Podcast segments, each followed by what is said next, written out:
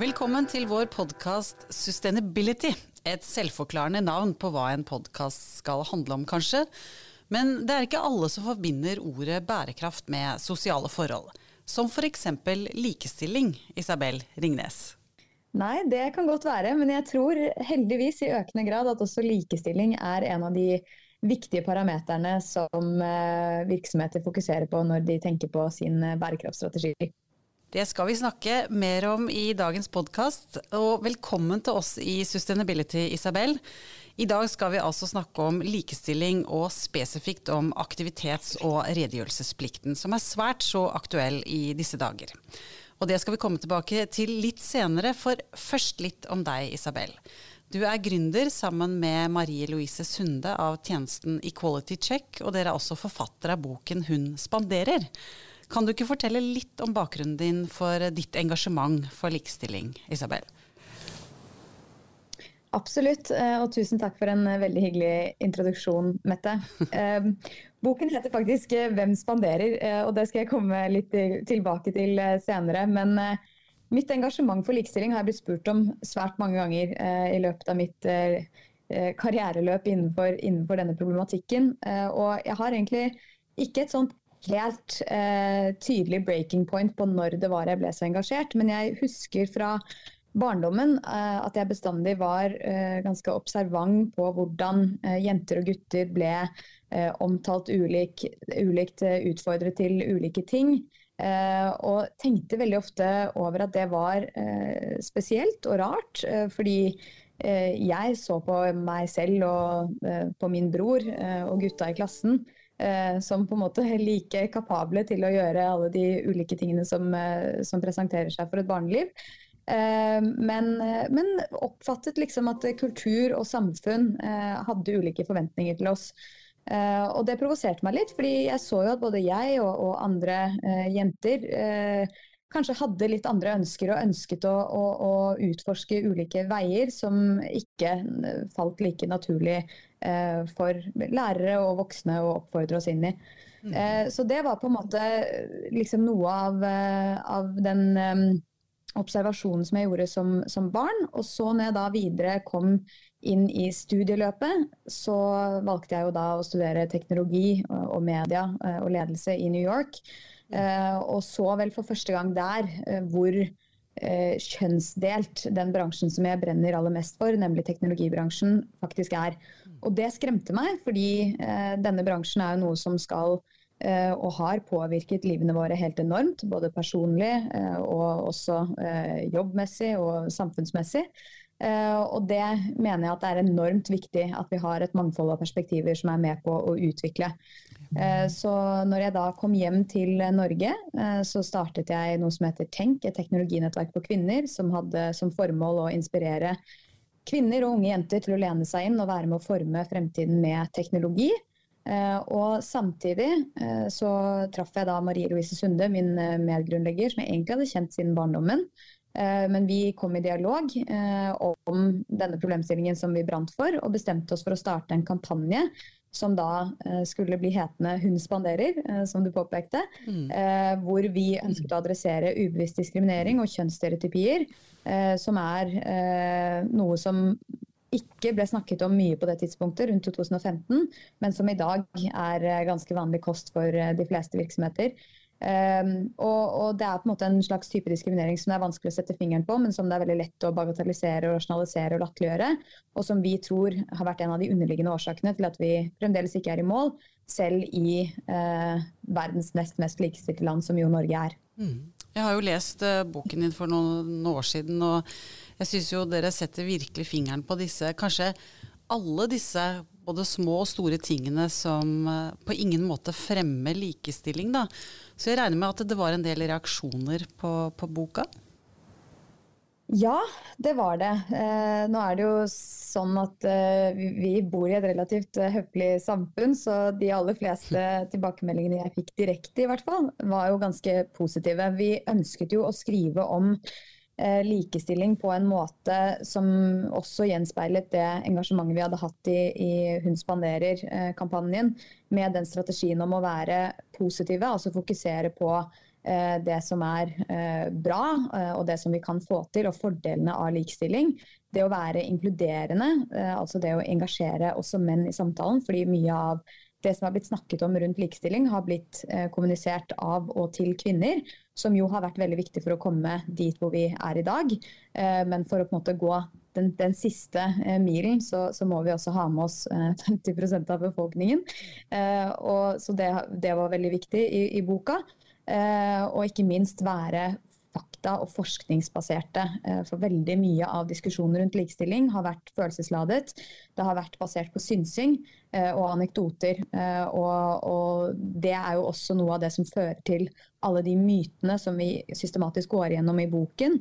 Eh, som omhandler f.eks. det at vi tenker at kvinner velger annerledes, eller at de ikke er like ambisiøse, eh, eller at de alltid prioriterer barn og hjem osv. osv.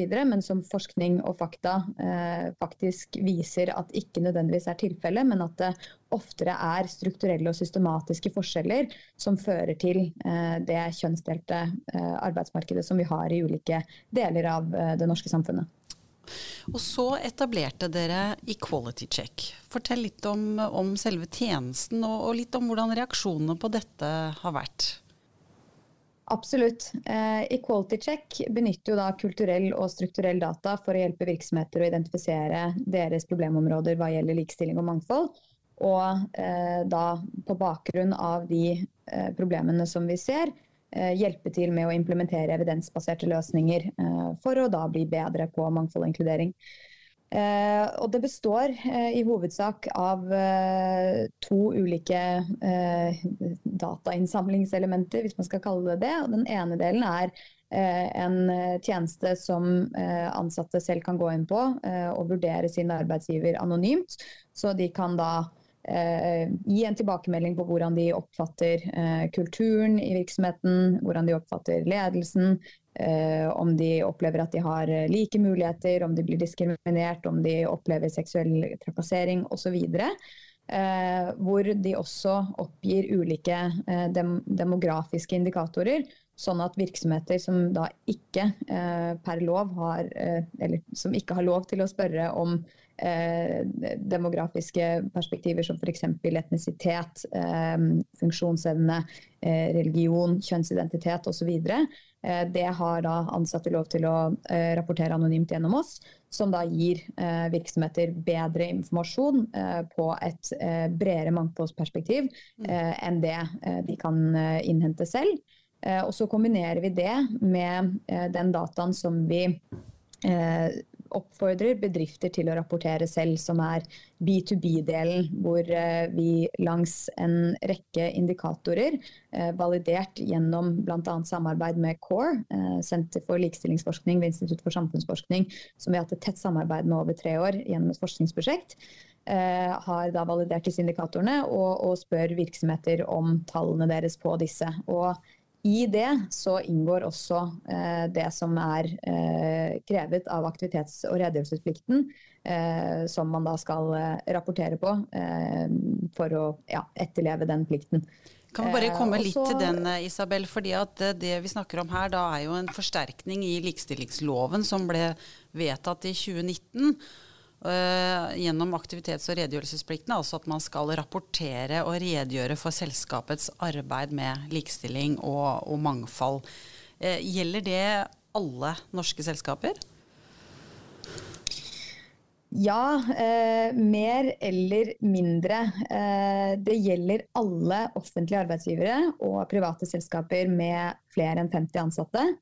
Og etter lovendringen i januar 2020 så omfattes også private virksomheter med mellom 20 til 50 ansatte dersom en av arbeidslivets parter i virksomheten krever det. Opplever dere at uh, mange kommer til dere nå? Fordi at uh, det, dette her uh, kartlegging av lønn og, og, lønnsforskjeller og ufrivillig deltid blir jo nå er jo et krav for rapporteringsåret 2021. Så jeg, jeg, regner med at det er mange som kommer til dere for å be litt om hjelp nå? Ja, heldigvis, kan du si. Dette er jo veldig positivt at de, de, har implementert dette her, for det bidrar jo til at det blir satt høyere opp på agendaen. Og grunnen til at det er blitt forsterket, er jo fordi at det skal jobbes mye mer målrettet med dette fremover. Så vi har jo fått en del henvendelser. Men vi driver jo også veldig mye oppsøkende arbeid, eh, som jo man naturlig gjør eh, i en gründerbedrift. Mm. Eh, vi har jo også et samarbeid med KPMG eh, og har jobbet tett med LDO. Eh, de er jo uavhengige av oss, men eh, jobbet tett med de aktørene som, som kan mye på dette feltet. og drevet informasjonsarbeid og opplysning rundt dette. så vi har vært veldig opptatt av å informere om hva som er pliktig. Eh, og så er vi selvfølgelig der for å, å, bistå med et produkt for å gjøre det enklere for virksomheter å etterleve det. Og Grunnen til at vi i Sustainability tar opp denne problemstillingen nå, er jo det er høytid for, eh, eller høysesong for årsrapportering. Og det er jo flere selskaper som oppdager nettopp nå at de, de er nødt til å redegjøre for lønnsforskjeller og, og, og for likestilling og mangfoldsarbeidet sitt eh, nå og kanskje kommet litt uh, sent på banen. Men hovedinntrykket vi har, er at det er ikke så mange selskaper som er klar over denne aktivitets- og redegjørelsesplikten.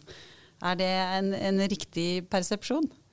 Ja, eh, det blir jo litt anekdotisk, men jeg tror du har litt eh, rett i det. Eh, det har ikke, så vidt jeg er kjent, kommet statistikk fra LDO enda.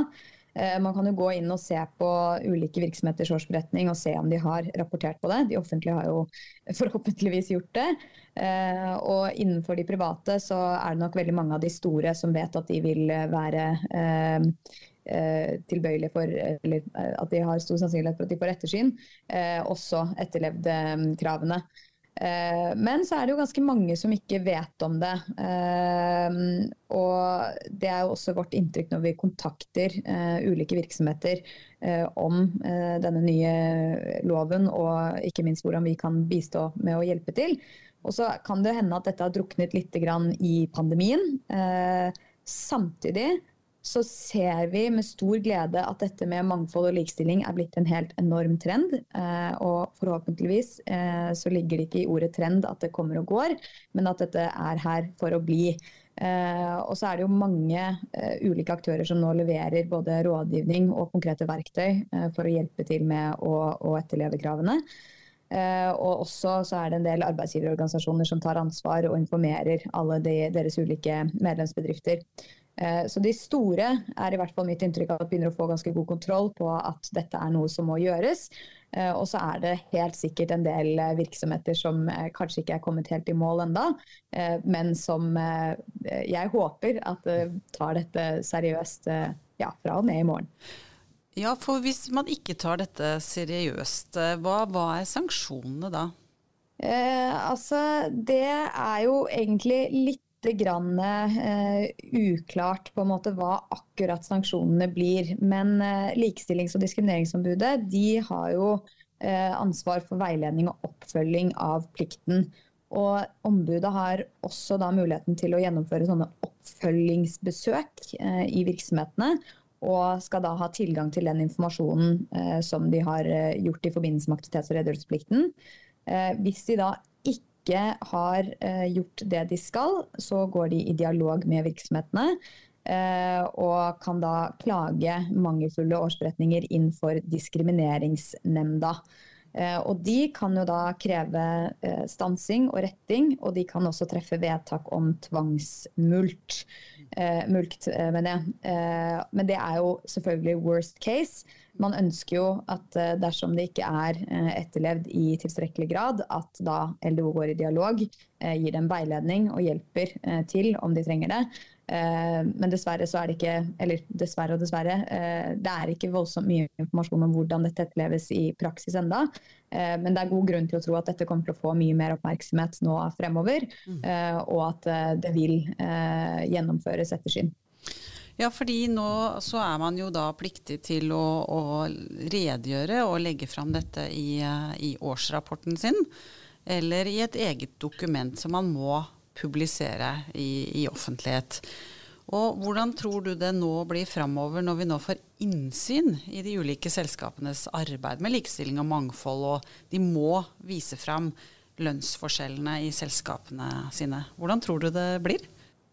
Jeg tror det blir veldig bra. Jeg tror at uh, sånn generelt så er det bra å ha uh, transparens og data og uh, økt gjennomsiktighet rundt de aller fleste sånne type problemstillinger. Dette har vi jo jobbet med, som du var inne på i begynnelsen, innenfor klima og miljø over lang tid.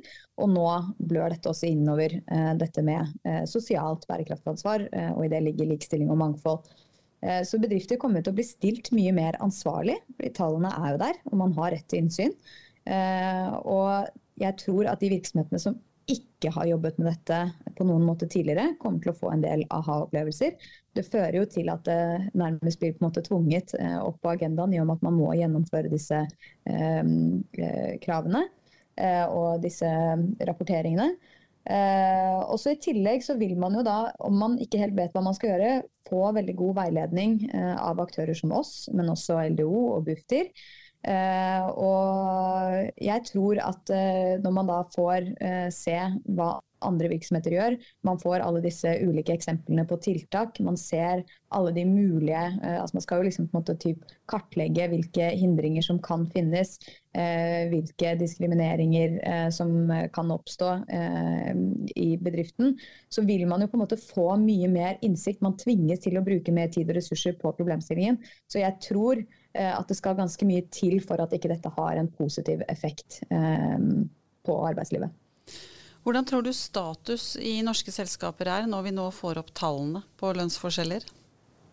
Eh, nei, det finnes jo overordnet statistikk på dette eh, gjennom eh, på, som man kan se på SSB. Eh, og der er det vel eh, slik at kvinner tjener 87% av det menn gjør. Eh, og så er det litt ulike, eller egentlig ganske store forskjeller fra bransje til bransje. Uh, og jeg vil jo ikke være veldig overrasket om, eller jeg håper jo egentlig at ikke tallene er så ulike når vi, når vi får den aggregerte statistikken uh, i etterkant av den første rapporteringen. men jeg tror vi skal forberede oss på at det nok ikke er så likestilt som vi gjerne skulle hatt det.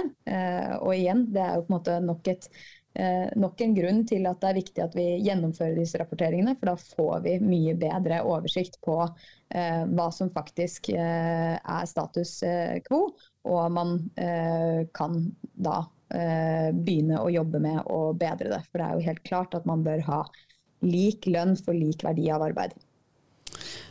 Til slutt, Isabel, har du noen tips til de som nå tenker at shit, nå må vi bare sette i gang?